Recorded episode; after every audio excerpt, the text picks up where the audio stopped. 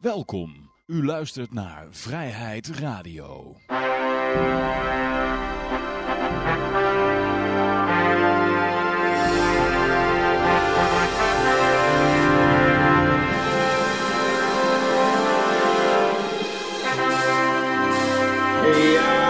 Dames en heren, jongens en meisjes, dit is weer een nieuwe aflevering van Vrijheid Radio. Leuk dat u luistert.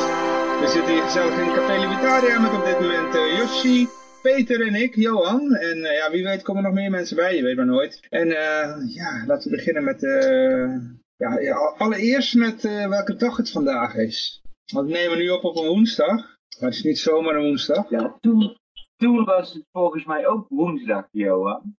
Oh, oké. Okay. Jaar geleden. Oké, okay, oké. Okay. Weet jij nog waar jij toen zat, toen jij dat ja, hoorde? Ja, ja, ja. Ik, ik werkte toen nog bij Railtender en ik was toen, uh, ik stapte uit in station uh, Deventer, waar ik dan een uur pauze heb. Dan ging ik met mijn karretje naar het conducteursverblijf. En toen zaten ze allemaal rond de tv, ge, uh, rond de tv gekluisterd. Want er was uh, iets gebeurd, er was brand bij het WTC en uh, iedereen zat te kijken. Want er zou een vliegtuig tegenaan geknald zijn, uh, werd er toen gespeculeerd. En toen was ik daar binnen en toen knalde net het tweede vliegtuig er tegenaan. En ja, waar was jij, Yoshi? Ja, ik zat bij mij, het was, in Nederland was het drie uur s middags, hè. Dus ik ja, zat ook op een gegeven moment achter de televisie. Ik had ook van die live, die tweede, tweede vliegtuig. Ja. Ja, Peter voor degene die nog niet wist, voor is degene werk, die ja. nog niet wist, is het dus vandaag 11 september. Ja, ja. Dus uh, waar, Ja. goed, ja, wat moeten we ervan zeggen? Geloven Ja, ja. we het of geloven we het niet? Wat bedoel je, de- dat het een inside job was, voor dat geloven? Nou, Er is net, net weer een nieuwe meer studie uitgekomen van de... Of, Oh, Code Stereo? Nou, er is net weer een nieuwe studie uitgekomen van de universiteit. Die hebben gekeken of dat WTC 7 had kunnen instorten op de manier waarop het instortte. En hadden ze gewoon allemaal helemaal gesimuleerd. Dan moesten ze 600 eh, van die steunkolommen tegelijk weghalen om het zo te laten instorten. Ja, eh, Eh, Ja. ja. het is een beetje onwaarschijnlijk dat dat in dezelfde seconde gebeurt door een vuurtje. Of door vuur, wat voor vuur dat ook. Ik bedoelde dus ook te zeggen dat eh, geloof je het of- officiële verhaal, dat bedoelde ik. Niet alle, Mhm. alle eh, zogenaamde verhalen, maar het officiële verhaal. Het boek dat is uitgekomen met de verklaring wat er gebeurt. nee, maar ja, ik, eh, dat komt waarschijnlijk omdat ik een kurk opentrek. Ik heb een eh, lekker wijntje. Ja. Laten we eens inschenken, dan kunnen we de show echt Ja, beginnen. is 11 september, ach ja. Ik vind dus dat er eh, vrij weinig er eigenlijk nog over gezegd wordt. Hè? Dat er helemaal, eh, dat, ik, tenminste, ik heb, ik, ik heb geen te- Nederlandse televisie op het moment, maar ik weet niet of er veel aandacht aan mijn kennis besteed. Maar ik vond de, de berichtjes wel meevallen, omdat er eh, nog mee bezig zijn, om het maar zo te zeggen. Die, Ja. dat, eh, ja, is geen rond aantal jaar met- ook, toch? Nee, dat is waar. Dat is waar. Maar als je nou de, eh, hoort van nou, ze willen met z'n allen, eh, eh, ze, ze willen in, dit is toch een beetje de dag volgens mij waarop eh, aangetoond kan worden dat de overheid niet altijd het beste met je voor heeft. Dus ja, Ja, maar het rare is natuurlijk Ja, dat, het, dat- dat het is al een heleboel keer aangetoond. Het is toen eh, Vietnam hebben ze aangetoond, de Gulf of Tonkin, dat dat geen, eh, dat het een false flag was. En er staat natuurlijk in dat, eh, in dat rapport van de, de Church Commission, geloof ik, van dat eh, de Chief of Staff, die wilde eh, vliegtuigen eh, in torenflats laten eh, vliegen en dan, of opblazen geloof ik. En dan eh, Fidel Castro de schuld geven om zo in te kunnen vallen. De Lusitanië, er zijn zoveel van die false flag dingen boven water gekomen. ja. En toch heeft het, maakt het voor mensen allemaal geen bal uit. Ze blijven toch weer naar de overheid toe rennen met het idee van, eh, ja, die gaan ons gratis eh, gezondheidszorg geven of zo. Ja. Ja, oké. Ja, Oké, ja, Maar goed. is het puur omdat het mijn eerste vals flag was, om het maar zo te zeggen. Dat het daarom eh, wat meer doet. Maar we hebben nu het internet, weet je wel. Ik dacht van, dat gaat dan toch wel veranderen. De enige reden dat we het zo duidelijk kunnen uitdrukken is omdat je steeds maar op YouTube een herhaling van het filmpje kan zien, weet je wel. En ehm, ja, ik had toch, nou ja, ik had er zelf wat meer van verwacht, laat ik het zo zeggen. Ik had wat meer mensen wat willen zien delen of zo. Of, eh, ergens een berichtje dat iemand iets herdenkt of wat. Maar goed, goed, er zijn ook wel, uh, Café Weltsmets heeft bijvoorbeeld twee leuke stukjes vandaag online gezet. Helaas ook weer een, uh, een interview met uh, Willem Middelkoper buiten, wat heel nou ja, informatief was. Ik weet niet of iemand die wel gezien Dus ja, er wordt ook wel wat aan gedaan. Maar, ja, also, maar, ja het blijft voor mij altijd een bijzondere datum. Ja, ja de, eigenlijk de hele omslag naar tirannie is begonnen daarna. Het is uh, de TSA, dat je bij vliegtuigen altijd alles uh, je, door de scanners heen moest en je schoenen uit moest trekken. Dat afluisteren normaal werd, dat martelen genormaliseerd werd. Dat moest ook allemaal maar kunnen, want uh, was dan enhanced interrogation. Uh, al die, alle financiële zaken, dat die gewoon helemaal onder controle van de overheid komen te staan. Uh, ja, er is al heel veel gebeurd. Hè. En plus dat er geen zo'n... Oh ja, sorry dat ik je afkap, maar, maar en dat we dus uh, het verhaaltje klaar hebben gemaakt om Irak kunnen binnen te vallen op basis ja, al die oorlogen, Iran ook, dus- of Irak en Afghanistan. Eh, en eigenlijk denk ik dat alles, alles daar uh, in het Midden-Oosten daar aan afgeleid, ook Libië, dat was geloof ik, met, en Syrië, dat ging allemaal nog volgens die, die, uh, die ene resolutie zogenaamd. Ja, ja. ja. dus ja. Volgens mij... En dan is Bolton, Bolton heeft het net niet gehaald. Uh. Okay. 11 september tegen die boer. Oh ja, ja, daar gaan we het zo meteen nog over hebben. We hebben zo meteen, zo meteen sowieso nog de, de, uh, allerlei nieuwsberichten en uh, de goud, zilver, de bitcoins en de staatsschuldmeter. Maar uh, ja, eerst wil ik nog even zeggen, je kan, als jij een mening hebt als luisteraar, dan kun je gewoon in de uitzending inbreken. Het kost je wel een klein beetje bitcoin. Bitcoin cash om precies te zijn. En dat kan via tipping, hoe heet dat, zo'n zo tipping service. En die kan je gewoon op de, eh, de website vrijdradio.com kun je die vinden. Bovenaan zie je een oranje vlak. Zie je drie knopjes. Bij de een kun je de livestream eh, checken. En bij de ander kun je dan eh, de tipping, ja, een tip sturen. Je hoeft maar ongeveer 2 eurocent aan Bitcoin Cash te sturen. Of je kan Spice token sturen, wat nog goedkoper. Dan kun je voor een cent meerdere berichten sturen. En dan kan je bij ons zo hup, in de uitzending inbreken, eh, inbreken. Dan moet je wel een stukje tekst erbij schrijven. Het, is ongeveer de lengte van het klein Twitterberichtje. En dan uh, ja, kun je zeggen wat je vindt. Dan luisteren wij. Ja, en je kan natuurlijk ook in de chat doen. Hè, die, uh, maar goed, um, ja, voordat we naar het berichten gaan, hebben we natuurlijk de goudstof, bitcoins en de staatsschuldmeter. Ik begin eerst even met de staatsschuldmeter. Die staat op dit moment op, uh, even kijken hoor, hier hebben we hem.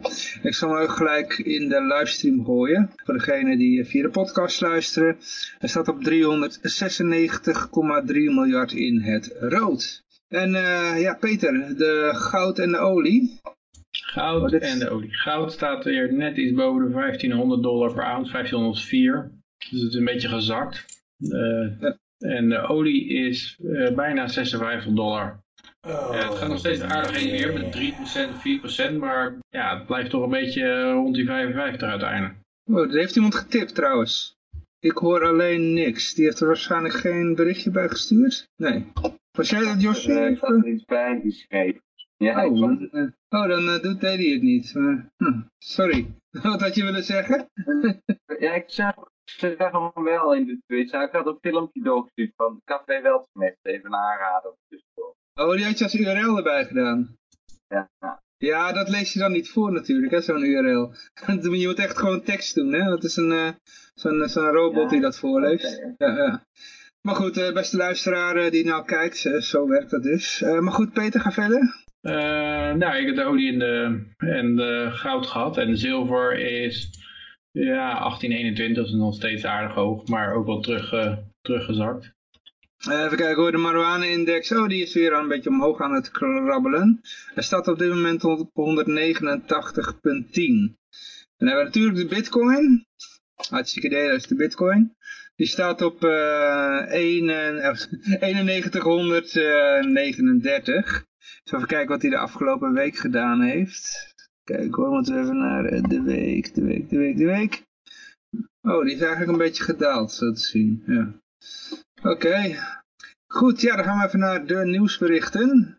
We hebben als eerste hebben we dit bericht. Uh, ja, het kabinet die uh, probeert ons lekker te maken. Maar als je echt naar de details gaat kijken, dan zitten er flinke addertjes onder het gras. Hè? Eh, spaarders betalen vanaf eh, 2022 tot eh 440.000 euro geen belasting. Maar, wat is het andertje? Nou ja, het gaat maar om, je krijgt eigenlijk belastingvrij 400 euro per jaar rente. Maar omdat de rente maar 0,09 is, procent, eh, en die, daar, daar nemen ze dan wel de echte rente voor, dan kom je op 440.000 euro. Maar dan moet je dus 440.000 euro op de bank zetten, op een spaarrekening die geen rente oplevert, en dan is het belastingvrij. Nou, dat- is eigenlijk natuurlijk een beetje te, te gek voor woorden, want normaal ja, het originele idee was dat je belast wordt op de echte inkomsten van je kapitaal. Dus je krijgt eigenlijk geen echte inkomsten. En dan zeggen ze, ja, je moet heel erg... Ja, kijk eens dat je dat belastingvrij krijgt. Maar je krijgt er ook geen rendement van. Eh, Dus tot 400 euro is het belastingvrij. Maar als jij bijvoorbeeld gaat beleggen... En je verdient, wat, eh, je verdient wat meer, dan gaan ze dat aanslaan voor een fictief rendement van 5,3%. Dus dat, ah, dan gaan ze je belasten, zeggen we nou met beleggen moet je makkelijk 5,3% kunnen halen. En dat is natuurlijk, en, en ook voor obligaties, wat ook raar is, want die zijn nog minder, die zijn negatiever dan eh, spaargeld. Oké. Is dat verhoogd, Peter? Nou, voorheen hadden ze eh, drie brackets of zo. Je- dus je kreeg voor de eerste moest je dan 0,8% betalen en voor dan 1,2 en boven een miljoen 2, nog wat of zo. Maar nou eh, is dat hogere, hogere tarief dat je, eh, je betaalt 1,7 gelijk al voor alles wat niet op een spaarrekening staat. Dus, en je kan ook niet meer je schulden, als je wilt een tweede huis had, dan kon je je schulden er eerst van afhalen altijd. Maar dat gaan ze nu ook beperken. Die schulden mag je maar voor een bepaald percentage eraf halen.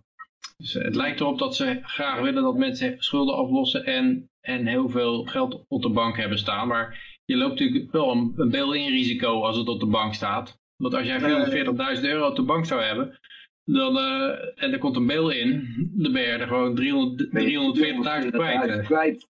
Ja, Ja, is dat waarschijnlijk niet gewoon een, eh, een voorbereiding voor als straks de Deutsche Bank gaat vallen en dan, weet je wel? Ja, iedereen gaat zijn geld op de, spaarbank zetten om, om die belasting te vermijden. Want anders moet je met beleggen moet je ook een rendement hebben dat ook on- onrealistisch is. Ja, misschien dat mensen dat inderdaad wel gaan doen. Ik ken een aantal van die mensen die hebben natuurlijk zo, oh speculeren, dat vinden ze vreselijk. Nee, zet het maar veilig op de bank neer. Maar ja, ik denk dat je heel goed, eh, goed eh, sigaar kan zijn. Ik vind het ook wel heel rooskleurig uitgelegd, eh 440.000 euro spaargeld belastingvrij. Ja, maar dit is weer een nu.nl bericht. Daar Ja. Oh, maar dat, staat, maar eh, dat werd overal zo gepresenteerd hoor. Ja, het is gewoon een Overal, eh, die kopie en past. 440.000 euro zag je overal. Het is gewoon een kopie en past. eh, ja. Ja. Van nu.nl. ja, ja, ja. Ja, niet Maar iedereen... Bitcoin, eh, Bitcoin valt dus ook onder, de, onder die 5,3%. Dat is geen spaargeld. hè. Mm. Dus Dan moet je ook 1,7% per jaar van je Bitcoin afdragen aan de staat. Oh, ja. Ja. Ja. Kijk hoor. Er komt in de toekomst, als we nou gaan reguleren die bitcoin, komt er in de toekomst een bank. Daar kan je dat dan wel doen, maar die bank die heeft in totaal 25 miljoen bitcoin op de rekening staan. ja, Dat was even een grapje. was even een 21 miljoen. grapje van mij. eh. Nou ja, dat is, eh, je had de, de inflatiebug hè, bij de bitcoin, toch? Weet je dat nog? Ja, klopt. Ja, eh, eh. Die is, ja, dat, Helemaal aan het die begin, was toch? bijna exploited. Er is iemand van- Bitcoin Cash die dat volgens mij aan het licht heeft gebracht. Ja, klopt. Een developer van Bitcoin Cash, die, eh, die had het gezien. Het was trouw- trouwens vorig jaar geloof ik. Nee, dit, dit jaar nog. Dus eh, dit jaar was dat gebeurd. Dat, eh, Oh nee, ja, nee, ja. ik denk volgend jaar september. eh. Al wel vorig jaar, oké. Ja. ik denk volgend jaar eind september. Maar ik weet het niet helemaal zeker, maar ik dacht, ja, ik dacht wel. Ja, nee, ja, en toen was er nog iemand van Blockstream die zei op Twitter, ja, maar inflatie is helemaal niet zo erg hoor. Dus moet je nagaan, die gasten. Ja, nou ja, goed. ehm, even kijken hoor. Ik ga, even naar de berichten toe. Ehm, waar waren we ook weer? Oh ja, deze, ja.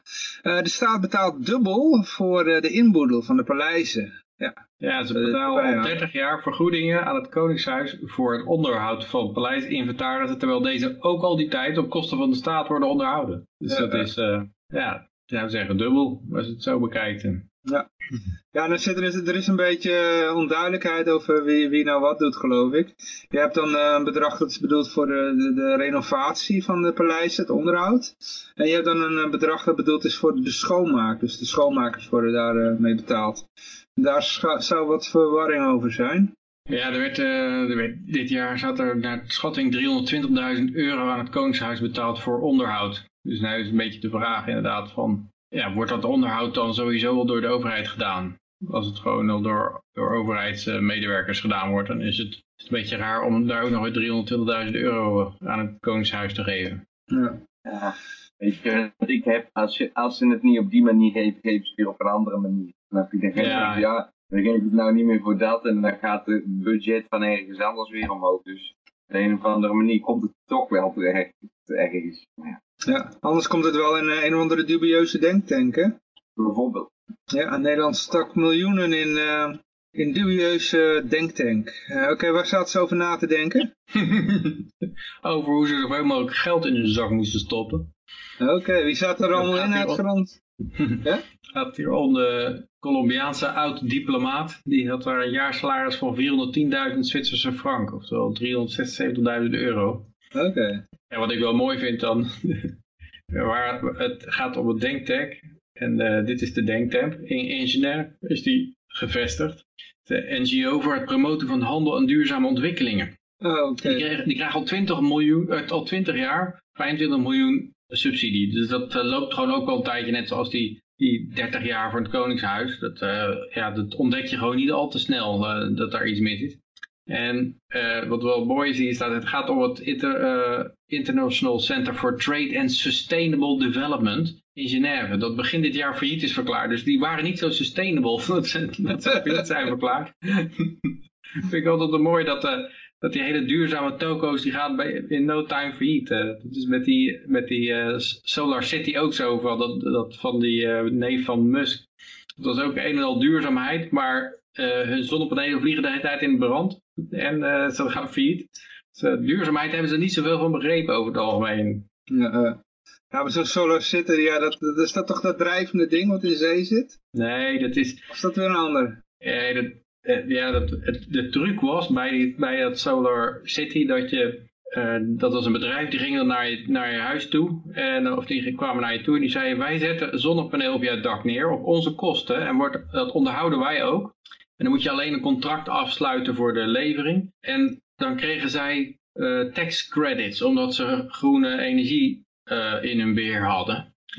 En die, dat had Obama vastgesteld, dat je tax credit kreeg als je een zonnepaneel had. En eigenlijk had dat uh, Solar City, die had eigenlijk, was die eigenaar van al die zonnepanelen. Dus die kregen een heleboel tax credit. En, maar omdat ze zelf geen winst maakten, hadden ze daar niks aan. Maar dan gingen ze met, naar hele rijke mensen toe. En dan zeiden ze van, hé, uh, hey, je moet veel belasting betalen. Ja, nou, daar kunnen we wat aan doen. Dan nemen we jouw bezittingen, die voegen wij samen met uh, juridisch met die Solar City. En dan, kunnen we al die taxcredits overhevelen en dan kan jij daar belastingaftrek van krijgen. En dan, ja, dan werd daar de opbrengst natuurlijk van gedeeld. Dus ja, eigenlijk worden daar dit soort dingen, worden de verschillen tussen arm en rijk ook weer groter. Want dit zijn natuurlijk alleen hele rijke mensen die dit, dit soort trucs kunnen doen. En, maar het, het, was ook een nadeel voor de mensen die zo'n zonnepaneel op hun huis hadden. Want dat zat aan het huis vast. Dus als zij het huis wilden verkopen, dan moest dat contract ook bij de, door de volgende bewoner overgenomen worden. Als die dat niet wilde doen dan. En dat hele zaakje dat ging op een gegeven moment failliet. En toen is Elon Musk daar ingesprongen. Omdat zijn, ja, zijn broer of zijn neef of zo, die zat daarin. En die heeft er toen, uh, ja, ook weer met een leugen, heeft hij dat een beetje opgepompt. Had hij wel die dakpannen waar een zonnecel in zat. Maar daar kwamen helemaal geen draden uit of zo. Dus we vroegen mensen zich al wel af, uh, ja, hoe werkt dat dan? Ja, daar heb je ook later niks meer van gehoord. Het is alleen even om de, de koers te pumpen. Ja, um, maar we hadden nog meer berichten. Even kijken hoor. We gaan even naar het volgende bericht toe. Uh, oh, en dan komen we oh ja, bij uh, de veestapel. D66 wil uh, de veestapel halveren, want ja, vanwege die stikstofnormen. Er is een stikstofcrisis. Het is echt een ah. crisis. Je, je, je gaat stappen uit en je merkt gelijk, hé, hey, er is een crisis. En er is ja. een, een crisis voor de natuur ook. Dus je, je ziet ook dat er helemaal geen natuur te vinden is als je buiten komt. Geen, er groeien geen bomen meer en zo. Maar uh, ja, dat komt voornamelijk, 70% is afkomstig van de landbouw en intensieve veehouderij, zegt uh, D66-Kamerlid Cheert de Groot. Dat is enorm. Terwijl de bijdrage van de intensieve veehouderij aan de economie nog geen 1% is. Hij zegt gewoon, ja, die, die, die eh, voedselproductie is eigenlijk niet zo belangrijk. Maar 1% van het bruto nationaal product. Maar die leveren wel 70% stikstof, dus uh, oprotten met die lui. Dat, uh, dus hij wil dus eigenlijk inderdaad die, die hele zaak gaan sluiten. Met dan subsidies. Ja, de agrarische achterband is natuurlijk al een beetje boos hierover. Maar oh ja, dit was het. Ja. D66 wil dat de boeren de overstap maken naar kringlooplandbouw, waarbij zij fors minder dieren houden, of ervoor kiezen hun bedrijf te beëindigen. Bij beide keuzes gaat de overheid financieel helpen. Het kabinet moet de overgang naar kringlooplandbouw zo aantrekkelijk mogelijk maken. En daar moet extra geld komen om de boerenbedrijven uit te kopen. Ja, die D66-lui die hebben ook echt het idee van ja, die boeren. Dat is net zoals Genghis Khan vroeger. Die Genghis Khan die ging heel, heel Siberië door. En dan als hij als die honger had, dan, dan hakte hij gewoon een boer zijn hoofd af. En dan uh, pakte hij zijn, uh, zijn veestapel af. Maar dat is natuurlijk niet zo echt duurzaam. Dus dan moest je daarna weer doorrijden naar de, de volgende voedselbron die ook weer zijn hoofd afhakte. En hij snapte maar niet waarom die boeren zo in de grond zaten te verroeten. Want als je honger had, dan, dan stal je dat toch gewoon je voedsel met je zwaard, zeg maar. Maar ja, dat is natuurlijk, dan is het niet verbazingwekkend dat Genghis Khan uiteindelijk zo'n heel groot rijk had. Want want je moet natuurlijk steeds verder gaan. Als je steeds overal de boeren de nek omdraait om aan voedsel te komen. Dan, uh... Maar deze D66 is een beetje moderne Genghis Khan. Die heeft ook zo'n idee van, nou ja, die boeren. is allemaal, uh, die leveren allemaal stikstof op. En uh, ja, dat noemen ze een stikstofcrisis. En uh, dan zou het ook kunnen, als die boeren oprotten, dan konden ze weer gaan bouwen. Want nou kunnen ze niet meer bouwen vanwege de stikstofcrisis. En dan kon je dat tegen elkaar uitreden. Dus het is, het is, eten of een dak boven je hoofd. Dat is eigenlijk de keuze. Nou, ik denk ook dat hij uh, een beetje het CETA-verdrag bijvoorbeeld in zijn achterhoofd heeft. Hè, van we gaan het nu wel uit, zeggen ze nu een verdrag getekend met Canada. over bijvoorbeeld voedsel heen en weer gooien. En als je, als je de, kijk, uiteindelijk uh, is, is, is vlees een van de meest gesubsidieerde producten die er maar te vinden is. Hè? De, de, als je werkelijk je prijs voor je vlees zonder dat er uh, overheidsinmenging uh, zou zijn, dan is het toch al onbetaalbaar. Dus dan kunnen ze net zo goed drie koeien houden, al die boeren. En dan halen ze de rest van het vlees wel uit, uit Canada. Dan denkt iedereen, oh kijk, drie koeien in een hele wei. Die hebben het wel heel goed. Nou, dan uh, zijn al die mensen extra gemotiveerd, want ze zijn allemaal, zien allemaal blije koeien. En ondertussen komt het vlees allemaal uit Canada, want daar hebben ze veel minder, of weet ik veel wat, uh, kunnen ze het goedkoper krijgen, want daar hebben ze minder regulering, of weet je wel, zoiets. Nou, en... Um, Net zoals met de elektriciteit, die, uh, die atoomstroom uit, uit Frankrijk. Uh, we hebben geen kernenergie. We kopen het uit Frankrijk in. Nee, precies. Ja, en dan zo'n D66 die zegt met, met dat CETA-verdrag in zijn achterhoofd, gaat hij dan zeggen, nou al die boeren, dat besteden we uit aan Canada en dan gaan we daar lekker uh, uh, kringloopboerderijtjes van maken. En dan, nou dat denk ik dan. Ja, en hij spreekt er ook schandels aan. Hij zegt, we proberen veel te veel, produceren veel te we, wij, hij, hij produceert dus ook wat als uh, politicus. Wij produceren te veel vlees voor onze eigen inwoners, zegt de Rood. Op Amerika na zijn wij de grootste agrarische exporteur ter wereld. Wij leveren echter op een postzegel. De schade voor de natuur is te groot. dus hij heeft dat de hele tijd over wij. Hè? hij doet natuurlijk niks. Hij maakt nou, alleen het leven onmogelijk. Ja. Je hebt wel boeren uh, die dus waarschuwen voor de intensiviteit van onze landbouw. Uh, er is een... Uh, en, en, wat dat betreft zeggen die boeren, er is een uitputtingsslag van de grond aan de gang, doordat wij maar door blijven gaan en blijven gaan steeds meer, meer chemicaliën op die grond smijten. Uh, maar ja, nou goed, we moeten de, de echte lange termijn, uh, die weten we nog meer. Als ik hoor er is een crisis in de natuur, dan, dan moet ik altijd een beetje, ja, ik ben daar heel erg kritisch over, want je hoort zoveel, ik heb al zoveel onzin erover gehoord. Ja, ik zie gewoon overal bomen en en uh, ja, er worden bomen omgehakt, maar dat is omdat we groene stroom, uh, wij willen groene stroom met z'n allen. Maar als je dat niet zou doen, heb je heel veel mooie bomen, je hebt heel veel mooi gras. Uh, ik zie niet wat het probleem is met de natuur. Nee. Ja, dat is het punt. Ze proberen een probleem te creëren en daar hoppa, springen ze dan met z'n allen in, hè, al die politici. Want ja, de verkiezingen dus, komen er weer aan. Ik heb gehoord van iemand die zei dat dat door die stikstof, dat is eigenlijk een soort kunstmest, dan gaan bepaalde planten gaan harder groeien. Maar andere planten die komen daardoor in de verdrukking. Dus uh, de, waar het om gaat is dan dat de verkeerde planten die groeien door deze stikstofcrisis. En de politicus wil natuurlijk dat er bepaalde planten groeien en niet andere. Dat is met de heidegebieden eigenlijk ook zo. Het is helemaal niet, helemaal niet op, eh, oergebied van Nederland. Dat is kunstmatig gekomen. Maar dat willen ze dan heel erg handhaven. Die heide moeten we hebben. En ze willen alles zo bevriezen zoals het is of zo. Maar ik zou zeggen, ja, als je wat meer stikstof krijgt. Nou, sommige plantjes doen het wat beter erop. Andere wat slechter. Nou, dan krijg je wat meer van diegenen die beter doen. Dan veranderen je plantenbestand iets. Is dat nou eh, iets om je nou helemaal over op te winnen? De bouw stil te leggen en eh, de veesta- veestapel te halveren? Nou ja, ik denk eerder... Je hebt gewoon ik- een private eigendom en eh, ja, ja. ik zou zeggen dat eh, dat is het libertarische beginsel. De politicus heeft niks over de eigendom van de boer te zeggen. ja, precies. Ja.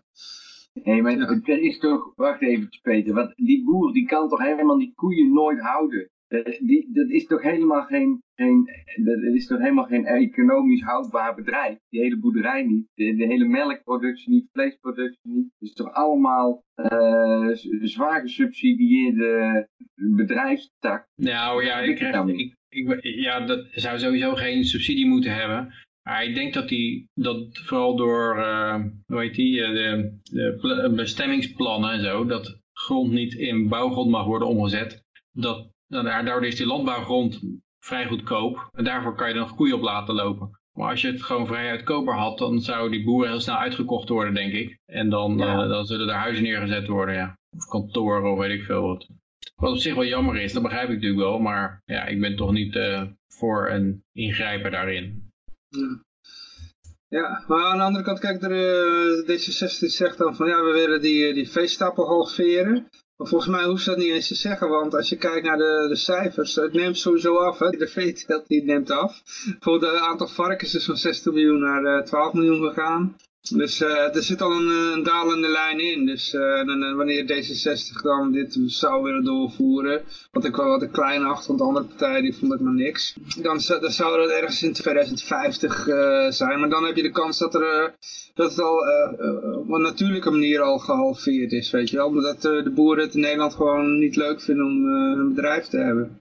Dus ze zijn dan al lang vertrokken. Snap je? Ja. Maar ik denk dat ja, die boeren, ik vind het nogal ingewikkeld of er nou eh, zaken, eh, sprake is van subsidiëren. Het wordt natuurlijk ook enorm lastig gevallen met allerlei regulering, Ja. met bemesting en ja.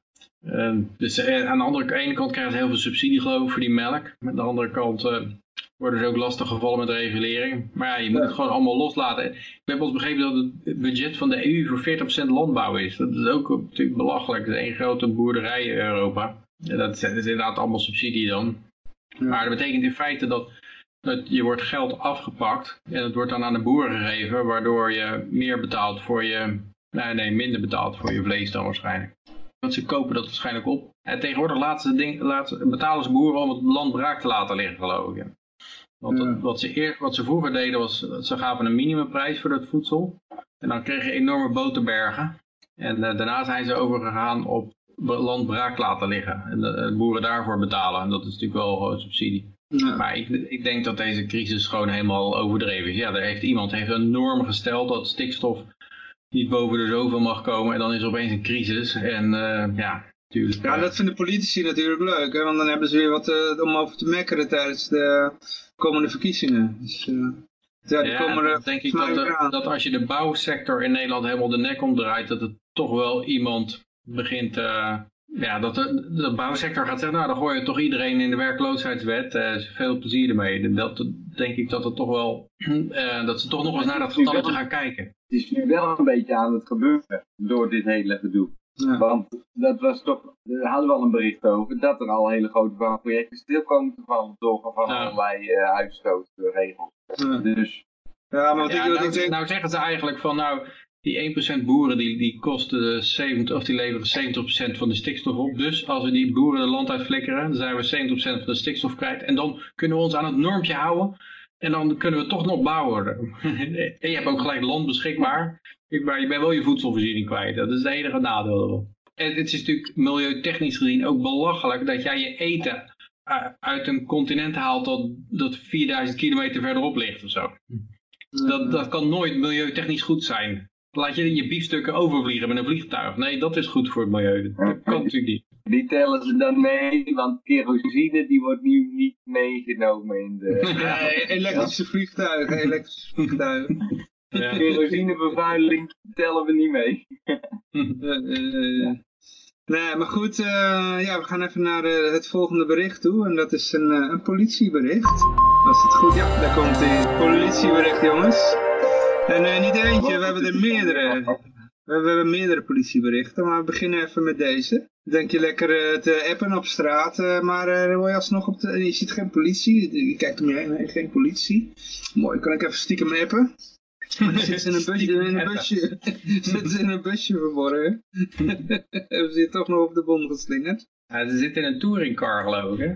Ja, ja, ja, touringcar, sorry, ja. Dus eh, dan zitten ze heel hoog, dan kunnen ze goed zien of jij aan het appen bent. Je de hele tijd aan die touringcar de hele tijd op de linkerbaan om iedereen in te halen om te kijken. Want die, die, eh, die, als je aan het appen bent, dan rij je rechts. Hè, dus die touringcar gaat overal, eh, overal links rijden. Nou goed. Ja, was er niet eentje die gewoon geparkeerd stond of eentje Ja, die zat ik, te had- ik, rijden? ik had ook het idee dat hij geparkeerd stond, maar... Ja. Ja, het is ook zo. Ik las laatst ergens, iemand postte de getallen daarvan, maar dat er ook eh, een enorme berg erge, echte, erge zaken gewoon blijven liggen. De politie, allemaal aangifte van burgers, daar doet de politie allemaal niks mee. Ja, klopt. Eh, en eh, ja, hier, hier gaan ze dan een beetje appende burgers zitten beboeten, omdat het natuurlijk geld oplevert voor ze. En dan vragen ze zich af waarom, waarom hun ja, respect omlaag gaat. Zeg maar, waarom, waarom ze niet meer zo gerespecteerd worden. Nee, maar toch pakken ze dat heel slim aan, want dan de dag voordat ze met z'n allen in die bus gaan zitten, zetten ze het overal in de krant. En dan zeggen ze, ja, maar het stond ook nog in de krant van de week. En dan zeggen al die mensen, oh ja, ik had het allemaal moeten weten. Zeg, nou, en dan heeft iedereen heeft een goede, goede dag gehad als ze s'avonds gaan slapen. Dan zeggen ze, ja, het was toch wel terecht. Iedereen vond het terecht dat ze een bekeuring hadden, dus heb ik het toch goed gedaan mijn werk. Ja, dat hoor je vaak mensen zeggen. Hè? Dat ze, nou, ze vinden het toch goed dat ze, dat ze bestolen worden voor dat soort zaken. Het is een enorm Stockholm-syndroom sprake. Ja, het volgende bericht is... eh even kijken hoor, even de cookies wegklikken en alles, eh, de meldingen, noem maar op. Eh, hey, dit, oh, ik heb het een beetje, sorry. Ha, dit had een, eh, nu.nl bericht. Houd het toch mee op, Johan, de nu.nl. ja, ja, ik, ik, ik, ik, komt ik- er deze keer uit. dit is geen, eh, geen politiebericht, die politieberichten komen later, sorry. Ik dacht dat ik ze allemaal op een rijtje had gezet. Maar eh, zometeen nog meer, Ja, zometeen nog meer eh, politieberichten. Eerst nog even een, een drinkwaterbericht. Daar heb ik geen, geen jingle voor. Maar de drinkbra eh, sorry, de, de, de rivierwater, ja, nog een keertje. Rivierwaterbedrijven vrezen voor tekort aan drinkwater uit de Maas. Joh, kan je dat drinken, dat water dan? Ja, ik vind het altijd zo leuk dat, dat ik, weet nog dat ik een keer, kreeg zo'n foldertje thuis van ja, door de klimaatverandering zou er enorm veel regen gaan vallen. En dan moest je de bewatering, er was een subsidie ook weer geloof ik, om je straatje te, oh ja, om daar wateropvang in te, te doen of zo. Of eh, dat je een regenton nam of zo. Ehm, maar dat, als het droog is, is dat ook altijd door klimaatverandering. En dan, eh, ja, dan, ja, logisch natuurlijk. Hè? Ik bedoel, eh, En dan, dat is altijd leuk om, om ze dan een beetje te zien worstelen met dat verhaal. En, en tegenwoordig zie je dat, dat er wel eens, eh want dat, dat volgende bericht, ik had een paar bij elkaar geplaatst en daar stond dan Ja. studie. Het smeltende zeeijs is de oorzaak van de recente natte zomers. dus, eh, ja, Zal weet natte zomers voor, volgens het smeltende zeeijs, maar eh, ja, nu is de Maas dus te, te droog, want er komt geen water uit. En, eh, en dan is er ook een nu.nl factcheck hoort daar natuurlijk bij, bij deze en dan klimaatvraag. Wordt het nou natter of droger door klimaatverandering? dat vind ik dan altijd, ik, ik proef dat dat een leuk stukje gaat worden, dan, want dan, dan gaat ze heel erg zitten worstelen en wurmen en draaien. En, en je weet zeker dat het net als, de, als dat, klim, als dat eh, over die weggehaalde wit hittegolven, dat het verhaal wordt over de Stevenson-hut en de Pagoda-hut en eh, allerlei. En dat is inderdaad weer het geval. Dit is een pagina lang artikel met allerlei grafiekjes erbij. En, de, en de- ze proberen wat uit te leggen. En dat staat dan op één punt staan er. eh, eh, in hetzelfde artikel staat dat. eh, staat zowel dat het droger wordt als dat het natter wordt. En eigenlijk waar ze een beetje op uitkomen. Hier, wat kan we wel weten is. Die zou wel, wel weten is dat de droogte in 2018, dus was, dat was alleen de droogte in 2018, die werd versterkt door de opwarming van de aarde. dus uh, omdat, en dat werd al uitgelegd, doordat de opwarming meer water verdampt. Dus ja, uh, de droogte krijg komt. meer regen. Uh, droge krijgt dus dat, dat het water verdampt. Maar boven een stukje hoger staat dan, in Nederland krijgen we steeds heviger zomerbuien. En ook in de winter regent het harder. Die trend naar intensievere buien ziet in grote delen van de wereld. En dat komt doordat warmere lucht meer waterdamp kan vasthouden. En het regent er in, één bui, in, een bui in één keer uit. Dus uh, aan de ene kant wordt het droger omdat het warme weer het water verdampt. En aan de andere kant, doordat het warme weer zorgt dat die warme lucht meer waterdamp kan houden, krijg je ook hevige buien. Dus uh, dat is, ik vind het een mooie, mooie uitleg allemaal. Maar je, je, kan dus alle kanten mee op. Of het nou droog of nat is, het kan allemaal door klimaatverandering. Ja. En uiteindelijk is het een zero-sum game, want op de hele planeet blijft net veel water aanwezig. ja, ja. Het valt alleen vaker op je hoofd als het nat is. Maar waar ze een beetje uit gaan komen, denk ik, is, uh, wat ook al hebben ze het over extreme. Dus er komen meer extreme. Maar het gaat heel vaak mis. Laten eh, naar Katrina zeiden ook van, oh ja, nee, maar Kijk, doordat het warmer is, dan zijn de oceanen warmer en dan krijg je, krijg je meer orkanen. En uh, toen kreeg je, vlak daarna kreeg je gewoon tien jaar lang geen orkaan. En toen was het zo, uh, en nou, nou las ik hier al hier van, nou, de, er zijn wel minder orkanen, maar ze zijn heviger. dus het verhaal verandert, verandert de, de hele tijd. Afhankelijk van de laatste stand van waar ja, het nieuws uh, ja, op uitkomt. Zeg maar. de, als, er, als er een natuurramp is, dan is dat altijd het gevolg van global warming. Ja, ja. Maar uh, ja, ik, ik zie dat ik de berichten niet in een goede volgorde heb geplaatst. Ik dacht dat ik dat wel gedaan had. Nou ja, we hebben nu Trump en Bolton. Dus dan gaan we daar gewoon maar naartoe. En dan hebben we daarna weer, gaan verder met het binnenlandse nieuws. Normaal doe ik het buitenlandse nieuws altijd als laatste. Uh, maar ja, Bolton en Trump, ook oneenigheid over het vertrek.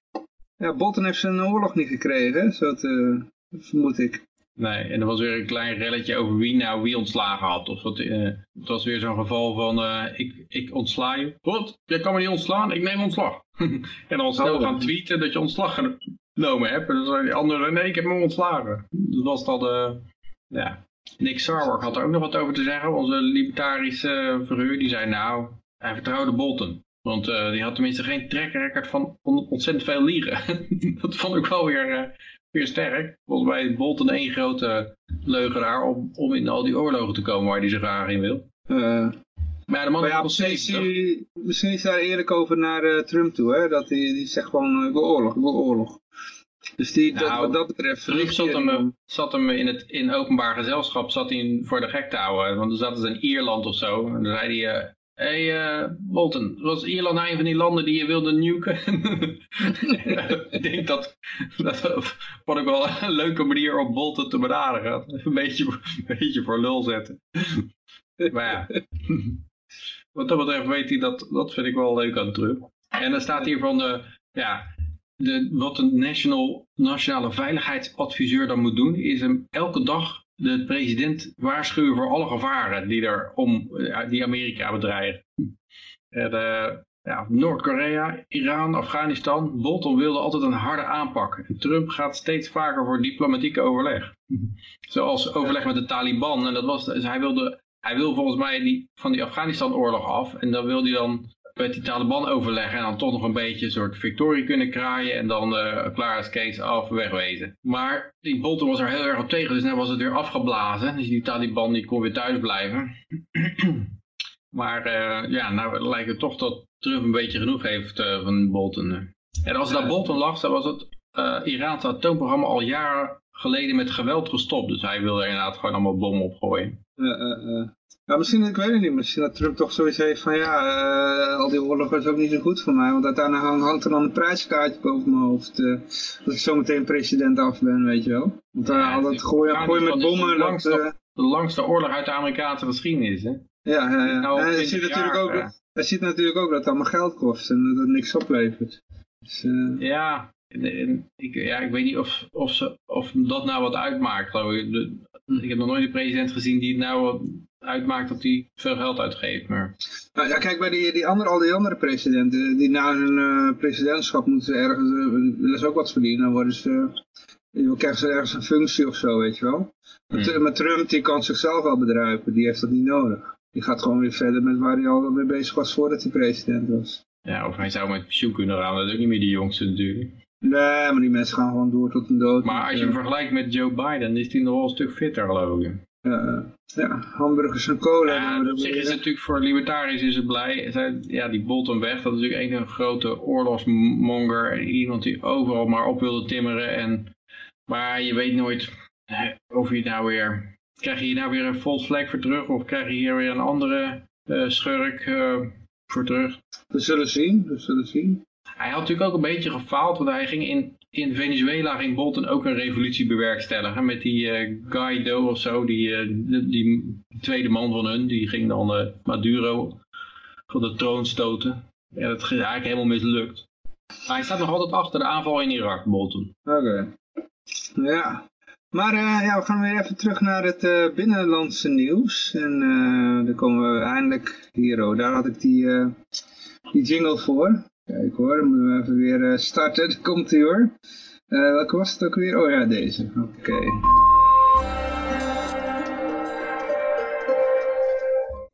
Ja, korpschef uh, Akerboom uh, eist uh, snellere invoering tasers. geweld lijkt onuitroeibaar. Ja. Ja. ja, hij krijgt veel e-mails van gefrustreerde agenten. Hun frustratie is ook mijn frustratie. Meer dan eens per uur wordt een agent belaagd. Het geweld lijkt onuitroeibaar. Hij denkt dat het geweld meer van de politie uitgaat dan dat ze, dat ze daar slachtoffer zijn. Maar ja, dan willen ze natuurlijk een, een stroomstootwapen hebben bij het herstellen van het gezag. Oké. Okay. Ja, ze kunnen ook bijvoorbeeld stoppen met het en mensen flitsen en, en, mensen op de bond slingeren om appen, weet je wel. Uh, de mensen, misschien moeten ze wat minder in de bus gaan zitten om uh, mensen te be, be, beboeten die op een mobiele telefoon zijn. Ja, een boek vervangen op, sorry, dat mag ik niet zeggen. nee, sorry, niet gezegd. De laatste paar weken heb je wat nieuwsberichten gehad waarin hulpverleners zijn aangevallen. Dus ik denk dat ze op die trend, nou even dit nieuwsbericht, uh, het lag al op de plank. Er moesten ja. alleen een paar collega's in elkaar geslagen worden, maar kon ze het thuis Ja, die een uh, ja? Het wordt zelfs in een van die artikelen genoemd als quote. Je moet het ijzer smeden als het heet is, staat daarbij. En daarom willen we nu die stroomstootwapens. Dus het staat er gewoon letterlijk zo in. Wat was die trouwstoet, die, uh, die, die, die, die, trouw, die trouwstoet die uh, aangevallen werd door een agent, was dat niet zo'n uh, false flag? Zodat ze dit erin konden gooien? Of ja, ben ik nou te veel uh, conspiracy? Die, die ja, agent knock-out, begreep ik. Ja, die werd lastiggevallen. Politieagent die trouwen. Ja, oh, oh, nee, wacht even, wat zei Yoshi? Uh, dat was een politieagent die ging trouwen. Oh, oké. Okay. Ja, ik heb het niet helemaal gevolgd. Ik dacht dat het een politieagent... Vals plek. Omdat jij zegt een vals plek. ja, ik weet niet. Ik hoorde wel eens iets uh, voorbij komen over een trouwstoet. Uh, er was een agent die zat... die viel die stoet lastig omdat ze aan het toeteren waren of zo. Hmm. Zo ja, ik... Ja, ik vind dat ook wel irritant. Zo. Nou, als, je, kijk, als je een beetje in de stad woont waarschijnlijk, dan krijg je de hele tijd van die toeterende gasten langs. En dat is natuurlijk een beetje... het zal... Het zal het zou mij ook wel irriteren. Ja, ik denk ook niet dat het uh, nou zo geweldig is om zo'n agent uh, knock-out te slaan. Hoewel die het ongetwijfeld verdiend zal hebben. Ja, ik weet niet, was er niet bij. Ik heb het filmpje ook verder niet gezien. Ik heb het alleen maar over horen, over horen praten in de kantine. Dus, uh... nee, ik heb hier uitgerekend de politieman die op laffe wijze van achteren bewusteloos werd geslagen. Zou deze week door Akkerboom genomineerd worden voor een prijs. Hij is nog niet in staat om gesprek te voeren. Maar hier staat het dus ook, met het vertrouwen in de politie is niks mis. Maar we moeten als politie steeds vaker het gezag afdwingen. Volgens mij is dat een tegenstrijdigheid. Uh, als je het steeds vaker het gezag moet afdwingen, dan is er wel wat mis met het vertrouwen in de politie. Ja. Dus hij zegt ook achter, mensen willen niet gecorrigeerd worden. Daarvoor hebben wij die taser nodig. Dat is eigenlijk het... Uh... Ja. En ik denk, ja, wat er natuurlijk ja, altijd gebeurt is dat een pistool trekken ze niet zo vaak, omdat ze dan, ja, dat, dat, dat is een escalatie. Dat uh, mensen dood gaan schieten. Maar zo'n taser, dat is dan heel makkelijk, heel laagdrempelig. Dus die gaan ze veel vaker gebruiken. Dus in plaats dat het geweld gaat afnemen, gaat het denk ik toenemen. Ja. Maar ze eisen ook nog een uh, taser van het Treusel-kabinet. Ja, dat is ook, dat eisen, dat vind ik ook heel uh, apart. Want uh, en, ze zeggen dus gewoon, korpschef Erik Akkerboom is het wachten op een besluit over de invoer van de stroomstootwapen voor agenten Beu. Invoeren dat ding. We wachten er met smart op. Er moet een einde komen aan het eindeloze getreuzel van de politiek. Dus dat is gewoon, uh, de politie zegt eigenlijk tegen de politiek wat ze moeten doen. En ja. De politie is ja, meer de baas dan de, de, de politici. Misschien, misschien moet ze gewoon naar een raad van state toe. Ik bedoel, als die zomaar up een stikstofnorm kan opleggen en iedereen moet zich eraan houden. misschien moeten ze daar aan kloppen of zo. Misschien moeten ze een stikstofkanon hebben. ja, ja, ja. Maar goed, er, er, was nog meer aan de hand. Ik had hier ook nog, uh, even kijken wat hier ook nog wat. Oh jongens, al de cookie meldingen weer. Politiechef Frank Pauw, privacy, moet soms opzij gezet worden voor de strijd uh, tegen drugs. Ja, ze gooien nou alles erin, Roma, gelijk hè. Dus, uh, Josje, wat zeg je? Voor het artikel te lezen, voor je het artikel wil lezen, moet je inderdaad alle cookies eerst accepteren. Ja, laat ze daar een keer wat aan doen. Oh nee, wacht even, het is dat dankzij wetgeving. Ja. De privacywetten moeten op een andere leest worden geschroeid, zegt hoofdcommissaris Frank Pauw, die nu ruim 100 dagen chef is van de Amsterdamse politie. Dus hij is 100 dagen chef en dan zegt hij, we laten onszelf nu de handen op de rug binden, terwijl we allemaal zien dat we op een ravijn afrijden. Dat is een mooie beeldspraak om aan meer zwaardere wapens te komen. En in Amerika is het nog veel verder geëscaleerd, waar ze gewoon met panzerwagens rondrijden, de lokale politie, die uh, uit Afghanistan komen. Maar Pauw wil fermer optreden tegen de drugshandel, die een onbetwistbaar probleem is. Nou ja, uh, ik zou niet zeggen dat is geen onbetwistbaar probleem. Als je het gewoon legaliseert, dan is het hele probleem weg. Ja. We zullen onorthodoxe maatregelen moeten nemen. Dat doet een beetje denken aan die enhanced interrogation, uh, of, of de ECB, die onorthodoxe maatregelen neemt. Dus uh, meestal is dat geen goede ontwikkeling. Ja, dan staat er ook nu ook door het alarmerende rapport de achterkant van Amsterdam. De drugs bovenaan de agenda staan in Amsterdam willen hoofdcommissaris Pauw, burgemeester Femke Halsma en hoofdofficier van justitie Jon Niklas het ijzer smeden. We zullen twee standpunten moeten innemen. A. Vinden we het allemaal dermate ernstig dat we hier andere middelen inzetten en methodieken zouden moeten gebruiken? B. Zijn we ook daar echt toe bereid? Wat mij betreft is het antwoord twee keer ja. Dus ja, het is het ijzersmeden nu het heet is. En uh, we hebben een, hebben een rapport met vreselijke wantoestanden. En gelijk zwaardere wapens geven iedereen. En, en zwaardere bevoegdheden. En uh, databestanden koppelen. En uh, ja, spioneren, afluisteren. wat, dat betreft, wat dat betreft gaat het nu wel heel vlug hè, met al die dingen. In bijvoorbeeld de stad als Amsterdam. Hmm als ze inderdaad uh, dit allemaal voor elkaar zouden krijgen, nou, dan heb je je, superstaat. Want dan hoeft er maar iets een keer uh, een, je kind een keer uh, te hard schreeuwen. En dan mogen ze meteen heel je bankgegevens erbij halen. Misschien gefinancierd wordt uit Saudi-Arabië en dat soort uh, ja. ja. terwijl dat die investeerders trouwens vaak uh, wel overal doorheen komen natuurlijk. Hè. Ja, dan om die uh, duizend euro die geleend wordt aan de barman of, of zoiets. Ja. ja, dat hoorde ik laatst ook iemand zeggen. Die zei van, uh, ja, dan heb je zo Leonardo, Leonardo DiCaprio, die zit op een jacht waar, waar 700.000 liter brandstof in gaat. En die zit te vertellen hoe, hoe global warming een crisis van ongekende omvang is. Maar jouw haarlak is het probleem dan. Hè? Dat, is, dat is dan altijd... Uh, jouw deodorant, dat is het grote, grote kwaad. Maar dat is natuurlijk ook omdat daar, daar het grote geld te halen valt. Bij de grote massa mensen die ga je schuldgevoel aan, aankletsen en daarna weer af laten kopen. Ja. En, uh, ja. Maar die hypocrisie die doet kennelijk, ik zou zeggen dat is toch dodelijk voor het hele verhaal, maar dat maakt kennelijk geen bied uit. Je kan gewoon met allemaal private jets naar een of andere global warming conferentie toe vliegen. En dat is, ja, niemand die blikt of bloot ervan. Of naar Lolita Island.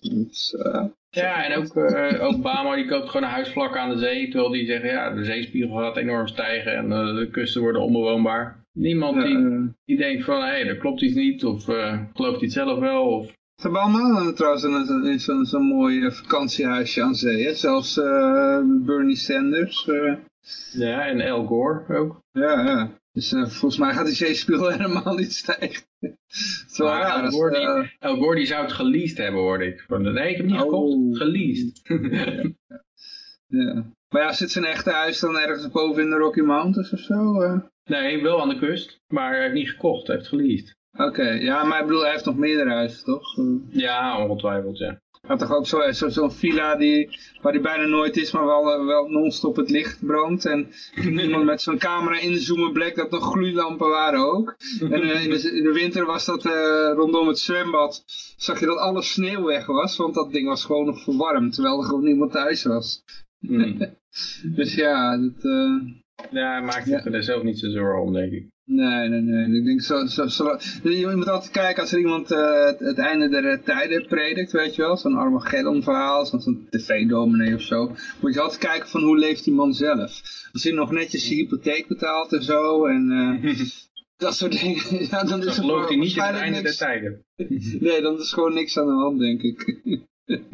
En trouwens, eh, er is nog een andere Ja, soms geloof je het ook wel eens zelf, hè. Die, eh, ik, weet, niet of je dat wel eens gehoord hebt van die, eh, van die Rutte Boys. Dat waren twee economen voor de, voor de Nederlandse overheid. En de ene van die was ook helemaal bezig met het voorspellen van de wederkomst van Maria. En die zou dan, had hij allemaal dingen in de Bijbel opgezocht en berekeningen gedaan. En een heel, eh, heel model van gemaakt. Die zou dan ergens in Spanje op een bepaalde datum aankomen. Er waren een heleboel mensen met- die geloofden dat. Dan gingen ze allemaal met een grote bussen, daar gingen ze naartoe. Gingen ze staan wachten op het uur U, dan gaat Maria uit de lucht naar beneden komen. Oké. Eh, en die kwam natuurlijk niet. En dan, toen bleef ze het alsnog in geloof of zo. Dan hadden ze een misrekening gedaan of zo. ja, het schijnt dat, dat feiten hier ook niet te doen dat het geloof sterker wordt. Ook als het, Ja. eh, als het niet uitkomt. Ja, je kent het verhaal over hoe ze, over cognitieve dissonantie, hoe dat eh, ontdekt is. Tenminste, hoe dat, dat boek, er is een boek over geschreven door iemand, en daar komt die term vandaan. Die, die was ehm, undercover in een of andere secte die in, de, in aliens geloofde. De, de, en de mensheid zou dan opgenomen worden, of alleen de, de, de ware gelovigen zouden opgenomen worden door een groep aliens. En nou ja, op het moment Supreme eh, waren ze allemaal te- tezamen. En degene, er was één iemand die had dan een soort contact met die, met die aliens, zeg maar. Via telepathie. En die kreeg steeds berichten door van, oh nee, eh, ze komen er niet aan, want eh, ja, er is even iets tussen gekomen of zo. En de hele groep die bleef er gewoon in geloven. Dus eh, ja, en toen, die man die erin zat, die heeft toen een boek geschreven en die noemde dit dus cognitieve dissonantie. Dus Ja, maar in een religie is het altijd... God is testing my faith. Als, die Ja, ja, niet, ja. als er dan iets heel raars gebeurt. De, de Babylon B, die satirische website, die had ook een grappig van gemaakt. Van de, ik weet niet wat het nou precies was, maar eh, het ging over, over Russiagate, geloof ik. Dat, eh, dat eh, our, our faith in Russiagate is being tested of zoiets. Door- Doordat er niks gebeurd was eigenlijk. Maar ik denk dat ze soms echt wel zelf in geloven. Nou, afgelopen week ook weer was er een enorm schip komen vast te zitten met climate warriors in het ijs.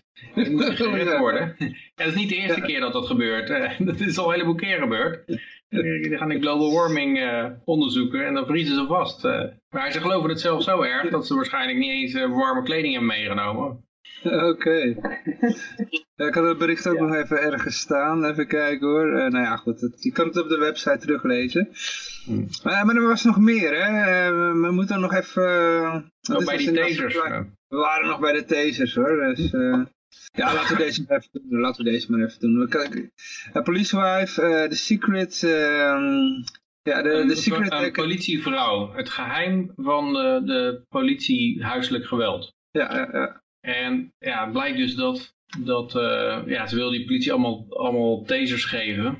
Maar het huiselijk geweld van politiemannen is 40% of, of law enforcement families, dus de politiefamilies, die hebben te maken met huiselijk geweld. Dus die politiemannen slaan hun vrouwen over het algemeen helemaal aan diggen. Dat eh, kan je er Ja. ongeveer wel zeggen. En dit, Ja, dit is een alleen, politievrouw die, die dit onthult. Die zegt er is een epidemie van police domestic violence. En dat zijn natuurlijk, als jij je aangetrokken voelt tot geweld en je vindt geweld heel fijn, ja, dan ga je natuurlijk ook bij de politie werken. Dus, of bij de overheid, de andere baan bij de overheid. Dus het, het trekt ook mensen aan die, die gewelddadig zijn. Dus ja, die, die slaan ook hun vrouw wat meer in elkaar.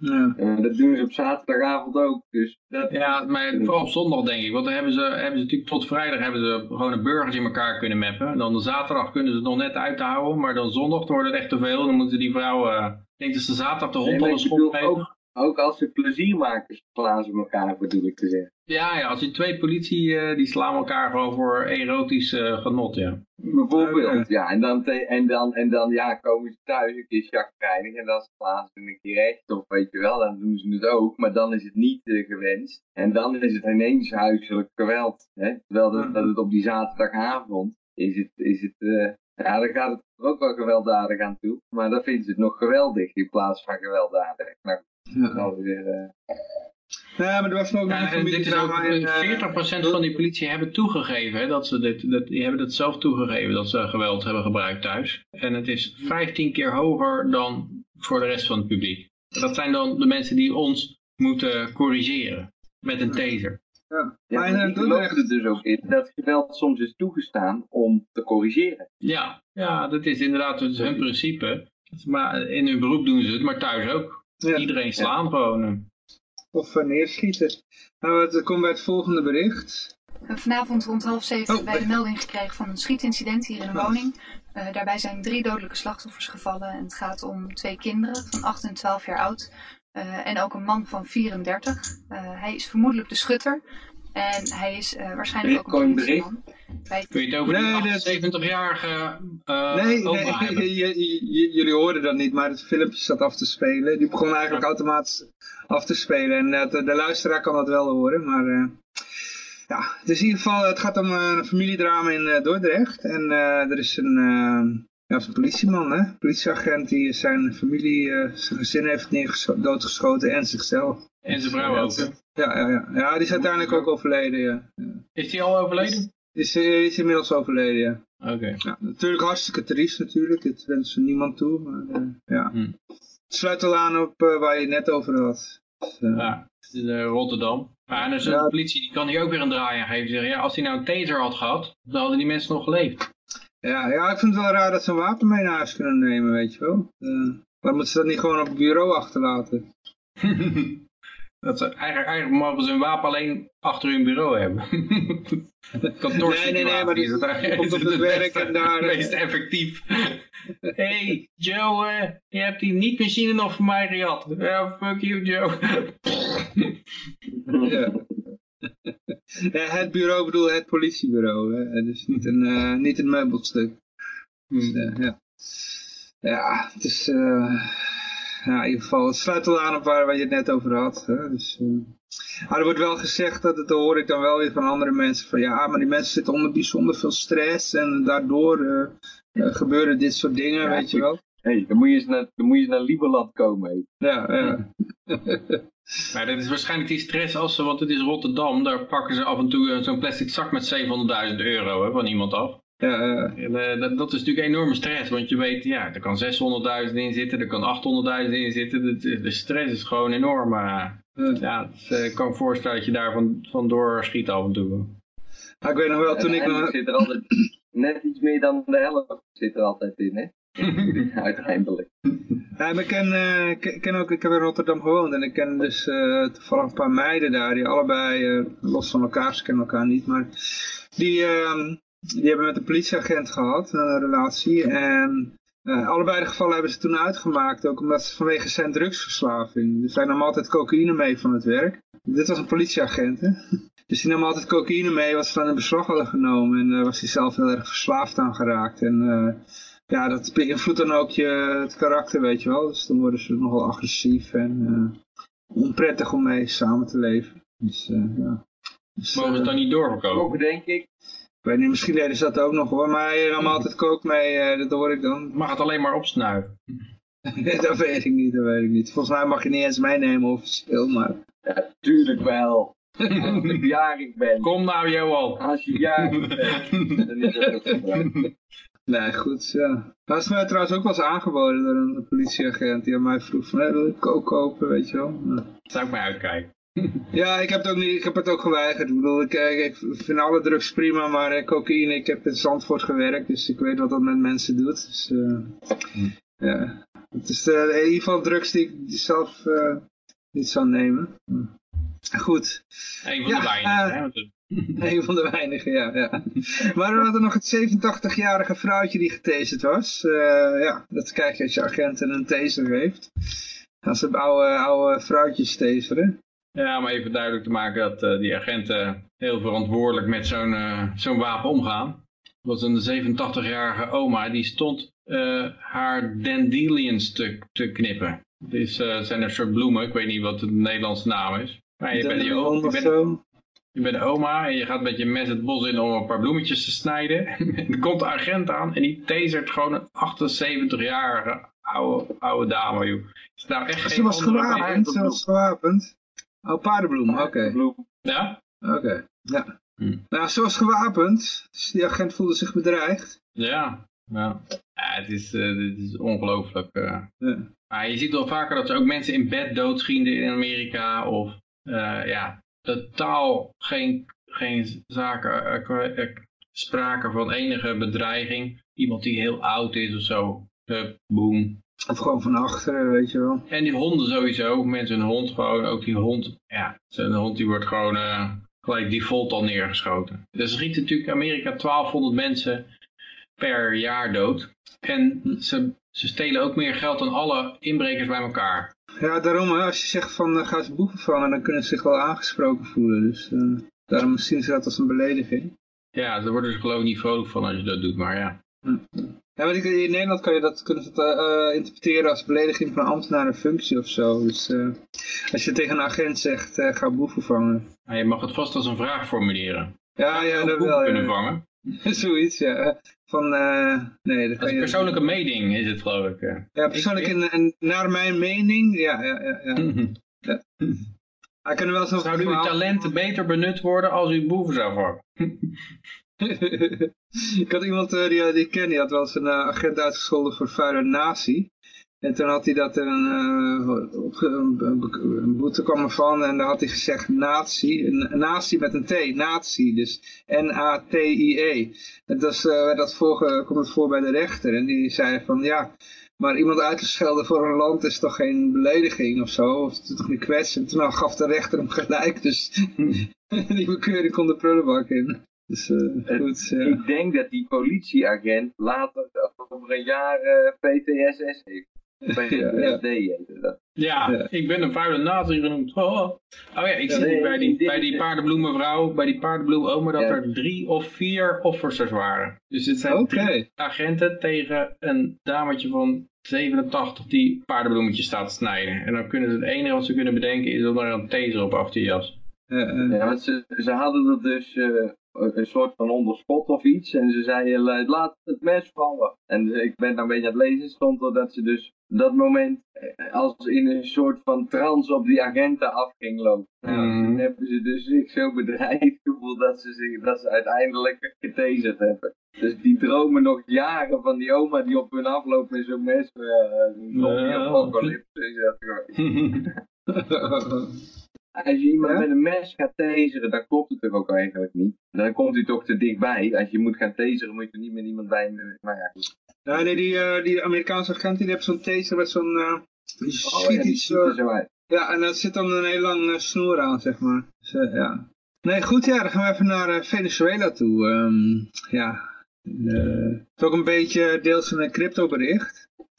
Eh, want het, ja, de, de bitcoin, of tenminste eh, crypto is heel populair in Venezuela. Eh, het, land heeft bijvoorbeeld de meeste Dash. Dash is ook een crypto, voor degenen die het niet kennen. De meeste Dash-transacties gebeuren in Venezuela. Je hebt heel veel merchants die crypto accepteren. Je hoort dan van allerlei cryptomunten die komen met juichberichten uit eh, Venezuela. Bijvoorbeeld Bitcoin Cash. Die heel veel merchants heeft daar. En eh, nou ja, zoals ik al zei, Dash. Maar ook eh, gewoon, de gewone ouderwetse Bitcoin met zijn hoge fees en lange wachttijden. Ehm, die heeft ook wat succes. Er is hier een, eh, een ondernemer die zijn personeel wilde uitbetalen in bitcoin. Maar wat gebeurde er toen? Ja, dat is natuurlijk eh, ondermijning. Die kregen gelijk een boete. Dus die moesten een boete betalen. Oké. Er staat zelfs Venezuela's textile startup find and seized. Dus dat is ook gelijk hun eh, naaimachine gepakt.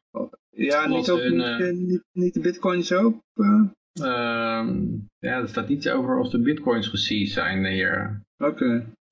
Er staat startup find and seized. Dus ja, wat je wilt doen als je land helemaal naar de Malamoer gaat en er begint iemand tekenen te vertonen van ondernemen, ondernemingszin, dan moet je natuurlijk gelijk arresteren en uh, dan moet je gelijk een halt toeroepen. Het is niet de bedoeling dat de zaak weer bovenop komt. Nee, Maar ik vraag me wel af hoe die dat dan deden. Ik kan begrijpen dat die werknemers zo graag bitcoin wilden hebben, want dan, dan hebben ze niet die vreselijke inflatie. Maar hoe krijgt hij zijn inkomsten in bitcoin? Nou, waarschijnlijk de, zijn klanten betalen hem ook in bitcoin. Ik bedoel, wie, wie, gaat er nou nog de Bolivar gebruiken daar? Uh, niemand, toch? Maar, nou, ik maar kan als je het uitgeeft, dat je dan wel Bolivar zal uitgeven. Nee, nee, nee, want je, je hebt ook steeds meer merchants. Dus de bakker, uh, die, die vraagt ook uh, bitcoin. Dus iedereen vraagt crypto daar. Dus gewoon de Bolivar wordt gewoon niet meer gebruikt. Dus hmm. ja, dus, dat is net als wat je in Zimbabwe had, weet je wel. Voor de toen, toen, met die, uh, toen, toen ook nog over gehad, een paar jaar terug. Over dat dat, dat, dat uh, iedereen gebruikt, uh, mensen gebruiken zelfs telefooncredits als betaalmiddel daar. Ja, dus, ja. wel niet, dat is heel, heel bekend alternatief. Mm -hmm. Maar dan zie je zo'n naaimachine, dat is ook niet de modernste naaimachine trouwens. Nee, nee, nee. Ja. ja. Je vraagt je af hoe lang ze dit kunnen afhouden, want ze denkt dat ja, je kan altijd tijd onderdrukken. En burgers zullen we even schrikken, maar op een gegeven moment moeten ze toch wat. En als dat geld niet werkt van die overheid, ja, dan uh, gaan ze, gaat er toch steeds meer gebeuren tot het, ons, tot het niet meer te stoppen is natuurlijk. Ja. Of tot het geld weer uh, uh, waardevast wordt, maar dat zien we niet zo snel gebeuren in Venezuela. Ja. Ja, dat brengt ons eigenlijk al op het volgende bericht eigenlijk. Uh, Centrale Bank van Argentinië. Het was toch een beetje de posterboy van de IMF, Argentinië? Of, me goed herinner. Kijk eens hoe dat land uit, eh, eruit hebben geholpen. Nou ja, kijk maar eens even hoe het nu is. Uh, Argentinië zit ook in een grote crisis als het gaat om geld. Uh, de Argentijnse centrale bank, die, uh, die ja, is running out of money. Die is door zijn geld heen, lees ik hier. Waarschijnlijk heb ik dit ooit... Ja, het IMF die had gewoon eh, een bail-out van 56 miljard gedaan. Dat was, inderdaad een van de grootste bail-outs, dacht ik. Het is een enorme bedrag. En er was eigenlijk was weer een enigszins fiscaal, eh, ja, oké figuur aan de macht. Dus ze dachten, nou, dat kunnen we wel wagen. Maar ik heb steeds meer het idee dat, dat er alleen even zo'n nette man naar voren geschoven wordt om een enorme lening binnen te halen. En daarna, hij werd, want er waren verkiezingen waarbij hij weer weggestemd werd. Of tenminste voorverkiezingen waren dat geloof ik. En uh, ja, de volgende, die gaan natuurlijk weer dat geld met bakken uitlopen geven, wat er uh, eigenlijk al niet meer is waarschijnlijk. Dus ja, het IMF zit volgens mij een beetje klem hier. Ik, ik zou niet weten wat ze moeten doen, omdat uh, ja, ze zullen ongetwijfeld wel middelen hebben om dat, om dat terug te krijgen. Maar ja, zo'n land als het gewoon helemaal blut is, wat, wat ga je daar dan uithalen? Mm IMF gaat ook niemand veroveren, denk ik ziet er geen leger naartoe. Dus het enige wat ze kunnen doen is nog weer een dikke lening daarbovenop mikken. Maar ja, die, die is ook niet meer terug denk ik dan. Nee, dus, uh, ja. En het was nog niet zo lang geleden dat Argentinië een 100-jarige obligatie uitgaf. En die werd verkocht. Er zijn mensen die kopen een 100-jarige obligatie en, en, na een jaar zijn ze al 30% van de inleg kwijt. Eh, omdat de peso zo gedevalueerd is. Ja, ik had hier nog een bericht, dat is, uh, komt trouwens ook van Forbes vandaan. Argentina introduces uh, currency controls amid deepening the debt crisis. Ja, dus die munt die, die klapt een heleboel in elkaar. En dan krijg je natuurlijk een heleboel mensen die opeens eigenlijk 30% van hun koopkracht kwijt zijn. En dan gaan ze proberen om hun geld het land uit te krijgen, want ze zien het al misgaan. En het is natuurlijk al heel vaak misgegaan in Argentinië. En uh, ja, dat, dat wil de overheid dan tegenhouden. als het kapitaal wegvlucht, dan gaat het nog harder naar, naar beneden. Dus eigenlijk moet je mensen hun geld gevangen zetten. En uiteindelijk moet je meestal ook mensen zelf gevangen zetten. Je moet een muur ombouwen, die niet meer weg kunnen. En uh, ja, dat zijn ze dan genoemd capital controls. Ja, dan gaan we nog even naar... Uh... Kijk hoor. Oh ja, het gaat, we hebben nog wat positief nieuws. Het gaat eigenlijk best wel goed met, met, met de darknet. We hebben natuurlijk wel wat berichten gehad van uh, dat er allerlei uh, darknet websites uh, door de politie werden gerund. Hè? Want ja, ze moeten ook wat geld verdienen. Ja, daar hebben ze tijd voor om dat te doen, hè? Ja, daar hebben ze wel tijd voor. Maar als jouw motor gestolen is, sorry. Maar ehm, ja, het gaat eigenlijk wel goed. Mensen, Het ging eigenlijk helemaal niet slecht op het darknet. Ja, de handel gaat uh, goed daar toch? daar omzetcijfers van dan, Johan? Staan die? Ja, je moet even kijken.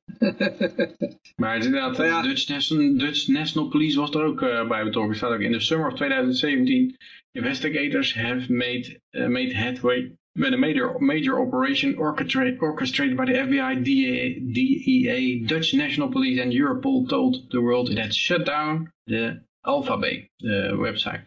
Uh, Dus ja, dat is uh, Nederlandse politie. Ik weet niet of ze een stroomstootwapen gebruikt hebben om de server uit te schakelen. Maar uh, hier hebben ze dus in ieder geval nog wel tijd. En in Nederland zijn sowieso al beroemd natuurlijk. Ook al vanwege hun infiltratie in Stuxnet in het Iraanse kernwapenprogramma.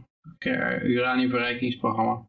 Maar ook hier zijn ze Nou ja, actief. Oh het yeah. is wel zo dat uh, heel veel van die het drugs vanuit Nederland verstuurd worden. Je ziet op die darknet websites de aanbieders en, en hun afkomst. En uh, er zijn er meerdere grote die dus duizenden deals al op hun naam hebben staan. En want het werkt allemaal met vertrouwen voor een groot deel. Je koopt bij iemand omdat hij al heel veel... Je, je, zit op het darknet, dus je hebt het enige wat je hebt is je reputatie die je opbouwt. Hmm. En die gasten die zitten dus daar gewoon professioneel te kopen vanuit Nederland. Dus daarom heeft het vanuit... Hè, ne Nederland staat de laatste tijd een beetje verkeerd op de kaart qua drugs. Dus ja, okay. leuk. Uh, over, er staat er over 12 active markets in 2019 en een nieuw forum. Ik weet niet wat het verschil is tussen active markets en een forum, maar dan is ja 12 darknet marketplaces. Still active. According to darknetstats.com.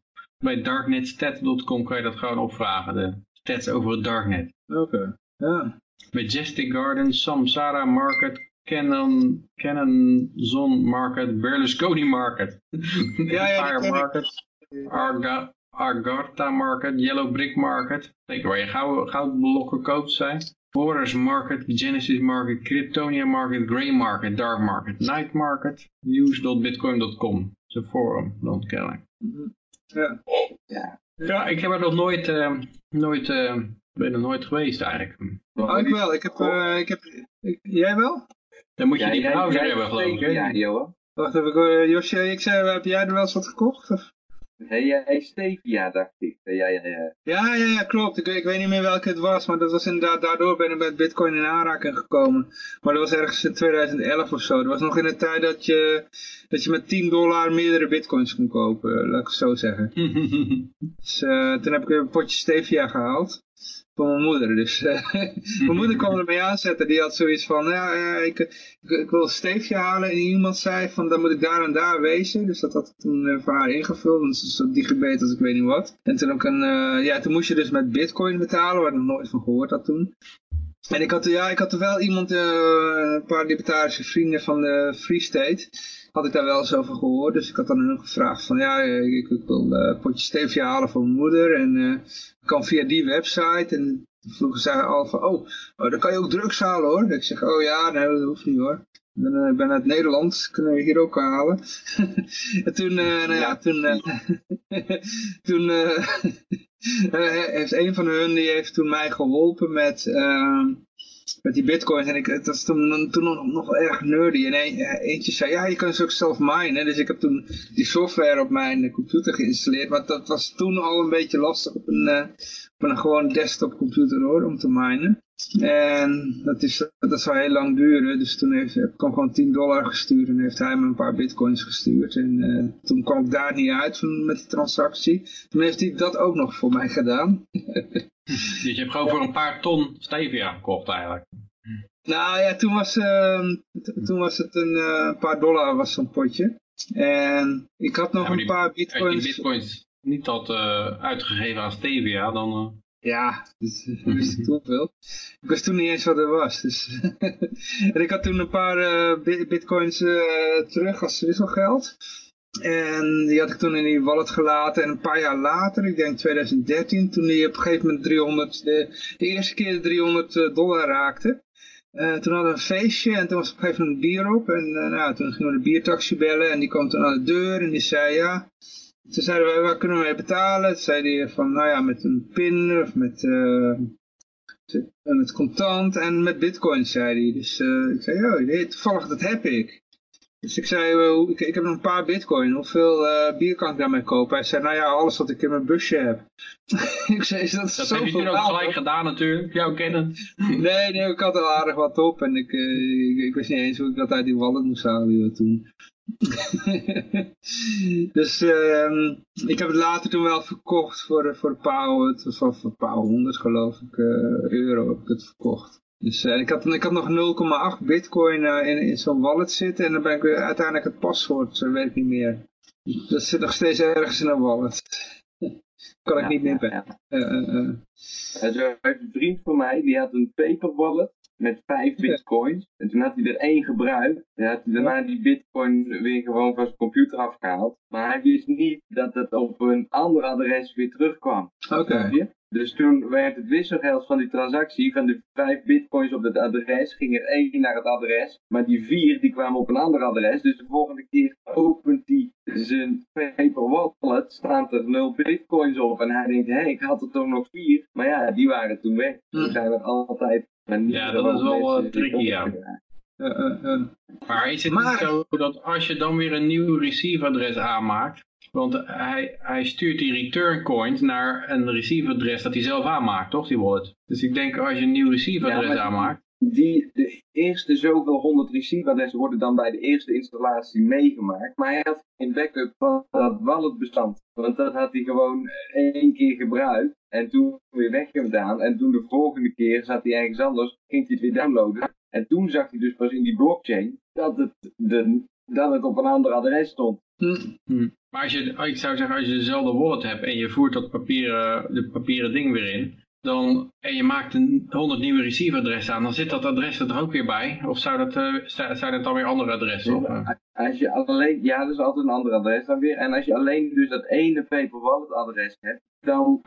maar is de rest er niet achter? Want bij die deterministic wallet, dan is het zo dat er zit gewoon altijd een vaste eh, keten aan adressen achter. Dat is waar, maar dat is dus niet de basic Qt wallet die er in het begin was. Dan heb je een hmm. deterministic wallet en daar zit dat inderdaad in. En dan hoef je eigenlijk maar één sleutel te weten. En dan kun je vanaf dat moment alle sleutels daarna weet je ook. Um, maar dat is dus niet het geval bij, bij die wallets die er in het begin waren. Er werd gewoon het random, wordt er dan een nieuw adres vereniging. Hmm. Oké. Maar, uh, ik heb nog uh, één eh, berichtje liggen. Stevens het laatste bericht. Jongens, het wordt weer tijd om de beurs te trekken. Want, ja, gaan ze hier nou ook weer van We Are The World doen of zo? Want uh, ja, er moet weer geld uitgegeven worden voor, voor het goede doel.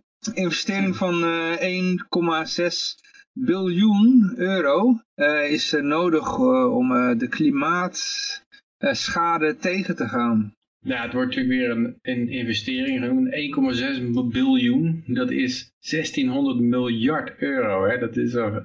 dat is even een gigantisch ja, bedrag. 1,6 miljoen miljoen. Ja. Het is een beetje de, ongeveer gelijk aan de Amerikaanse staatsschuld of zo? Of is die nog hoger? Nee, die is nog hoger. Want die is uh, eh, 20 biljoen of zo.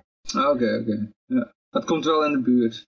maar er staat hier ook gewoon door het, bij het uitblijven van investeringen kunnen in 2030 meer dan 100 miljoen mensen onder de armoedegrens terechtkomen door de gigantische schade als gevolg van klimaatverandering. Ja, het is een gigantische schade echt. Het is echt, uh, echt enorme verwoestingen gewoon door de klimaatverandering. Ja, als je nou die 1,6 biljoen uitgeeft, dan, uh, dan zijn die 100 miljoen mensen gered. Dus het is uh, best de moeite waard hoor, voor die 100 miljoen mensen. Dat ik wel een beetje raar. Dus die mensen moeten eerst beroofd worden via belastingen, om dat bedrag bij elkaar te hoesten. En dan, uh, ja, dat, dat, En de veestapel wordt gehalveerd, dus ze hebben sowieso niet meer te eten, zeg maar. Dus waarschijnlijk halen ze 2030 niet eens. ja. Uh, het is weer zo'n zo dubieus Maar er staat ook het extreme weer zou jaarlijks steeds meer slachtoffers maken. Hitte, droogte en wateroverlast. Dus het kan alle kanten op inderdaad, zoals uh, al eerder gebleken is. Het kan zowel droog als warm als koud worden. Het is allemaal hetzelfde. Het is allemaal jouw schuld. En het komt allemaal door jouw spuitbusje, jouw uh, autootje. Zoals Jan Pelleboer dat zei, het kan vriezen en het kan dooien. ja, ja, ja. Maar het zit ook weer zo'n dubieus clubje, net als wat we eerder over hadden. Zo'n zo die denktank, weet je wel. De Global uh, Commission on um, Adaptation. Adaptation. Ja, klinkt een beetje. Ja, dat is inderdaad ook weer een, uh, een clubje die zichzelf heel belangrijk zitten te maken natuurlijk. En zo'n ankerbedrag is ook goed, 1600 miljard, want dan, nou, dan wordt het in ieder geval 800 miljard. Ja. Maar het is ook, er staat ook, deze ingrepen zouden uiteindelijk flink wat geld opleveren. Dus je smijt er ergens 1600 miljard in en dat gaat flink wat opleveren. Aangezien de momenteel geleden schade, dus op dit moment geleden schade als gevolg van overstromingen, op den duur voorkomen wordt. We hebben op dit moment hebben we al allerlei uh, schade als gevolg van overstromingen. Dat, hebben, dat zien we natuurlijk dagelijks op het, op het journaal dat Nederland overstroomt. En dat uh, gaat op den duur voorkomen worden als je die, uh, die miljarden er maar tegenaan gooit. Ja. Dus het levert 6,3 biljoen euro aan besparingen op. Dus het is gewoon een winst, uh, winstpakkertje dit hoor. Echt uh, een van de beste investeringen die je kan doen. Je geeft, uh, geeft 1,6 biljoen uit en je krijgt 6,3 biljoen terug aan, niet aan afwezige overstromingen. En ik denk dat het gaat lukken, dat, dat het inderdaad zal blijken in het 2000 jaar, 2030, dat er geen overstromingen zijn. Dus dan, dan kan je zien dat dat, dat, dat geld inderdaad wat heeft opgeleverd. Maar als je het niet had gedaan, dat geld, dan, dan had je, waren die overstromingen er ook niet geweest. Dus, uh. ja, dat zeg jij, maar dat, uh, dat valt natuurlijk absoluut niet te bewijzen. Dat, uh... ja, hey, wacht even. Nederland ligt natuurlijk half onder water. Hè? Dus er zal toch wat geld tegenaan moeten om dat de hele tijd weg te pompen. Het kost gewoon geld om dat Nederland in stand te houden. Maar daar hebben we de kinderdijk voor. Je bedoelt IJsselmeer. Die windmolens ja, bij de kinderdijk. En wie maait het gras daarvan? Anders dan Doe je... er zo'n konijn, de graaft er een konijnengat en dan ben je ook uh, ben je, ben je nat, letterlijk. Ja. ja. Welke apart staat dat de GCA heeft de steun van landen als China, Canada, Verenigd Koninkrijk en landen die direct te maken krijgen met de stijgende zeespiegel, zoals Bangladesh en de Marshall-eilanden. Er wordt geleid door voormalig VN-secretaris Ban Ki-moon met Bill Gates en Bill en Melinda Gates Foundation. Oh jezus. Die er geen, uh, geen cent tegenaan gooien. Uh, uh. Maar ik vraag me wel af wat een land als China daarin doet inderdaad. Het ja, weten ze zelf ook wel. Weten ze, zelf weten ze dat zelf inderdaad, ja. Of is er een of andere Chinees die heeft gezegd van ja, als je dat geld op die rekening stort, dan, dan zit China ook, zit er ook bij hoor. We hebben een Chinees omgekocht en die was het met ons eens. ja. Net als met al die partnerships van de cryptomunten. We samen met, met Microsoft. Ja, omdat, je, omdat je Windows hebt gebruikt om het... ja, wat ik nog mooi vind is een strategic partnership. Hè? Ja. ja, strategic partnership, ja. ja. Oh, ja, ja, ja. Misschien moet ik maar eens een keer een nieuwsbericht uit kunnen doen dan. Dat de uh, EFL een strategic partnership met de Shell heeft. En dan een klantenkaart van de Shell. Een klantenkaart van de Shell tankstation. Je hebt weer een uh, gratis handdoek gekregen. Uh, voldoende trekken nadat je je spaarzegeltjes uh, vol had. ja, overwinning voor EFL. ja. Ja, heeft het zo, ja, inderdaad, die, die bonuspunten voor e-guldens gaan inleveren. Dat zou wel leuk zijn. Uh, nou, toch nog een idee gebracht, uh, Yoshi.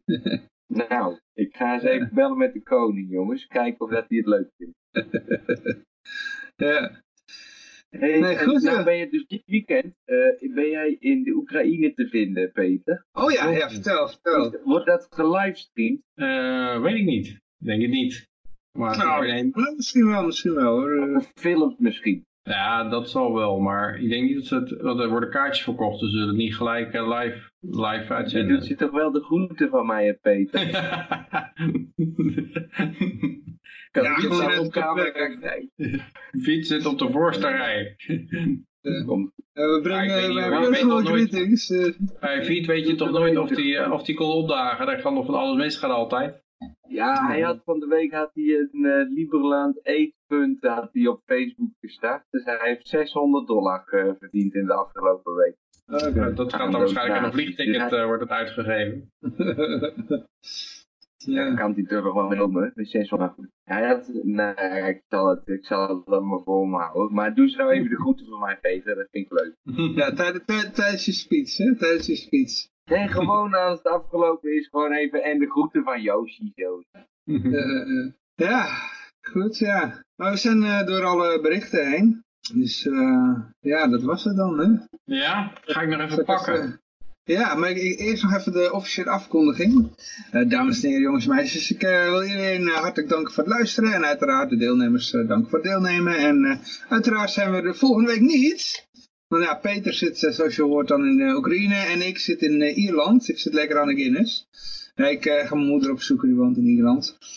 En ja, dus over twee weken zijn we er dan weer. Ja, dus goed, ik wens iedereen een vrolijk en vooral heel erg vrije twee weken toe. En ja, moet ik even kijken welke knop ook weer van de eindjingle was. Ik, ik gok deze. Ja, dit is hem, dit is hem. Is de eindtune, dames en heren. Hartstikke idee. Ja, Peter, jij zei het al, je gaat de koffers pakken. Ja. Ik uh, wens jou een hele fijne uh, ja, vakantie toe en doe immer de groeten van Vrijde Radio. Lijkt me leuk ja. als hij een keertje bij ons komt uh, in de uitzending. Oh, dat kun je misschien ook een keer regelen, ja. Ja, dus ja. toppie. misschien kan je nog wat leuke interviews... een fijne vakantie in Ierland. Ja, misschien kan je nog leuke interviews daar regelen met Fit of zo. ja, ja, interview met Fit. Fit, what is your position on uh, Yoshi Livo? de, de recorder loopt nog trouwens. Hè? oh ja, we zijn nog live. We zijn nog live. We zijn nog live. Fit zit te kijken. ja, we hebben één kijker. Ja, dat oh, dat, niet dat ben ik niet. Ik niet. nee, ik ben Oké, okay. ik, uh, ik zet hem uit uh, jongens. Doei, Hoi, hoi.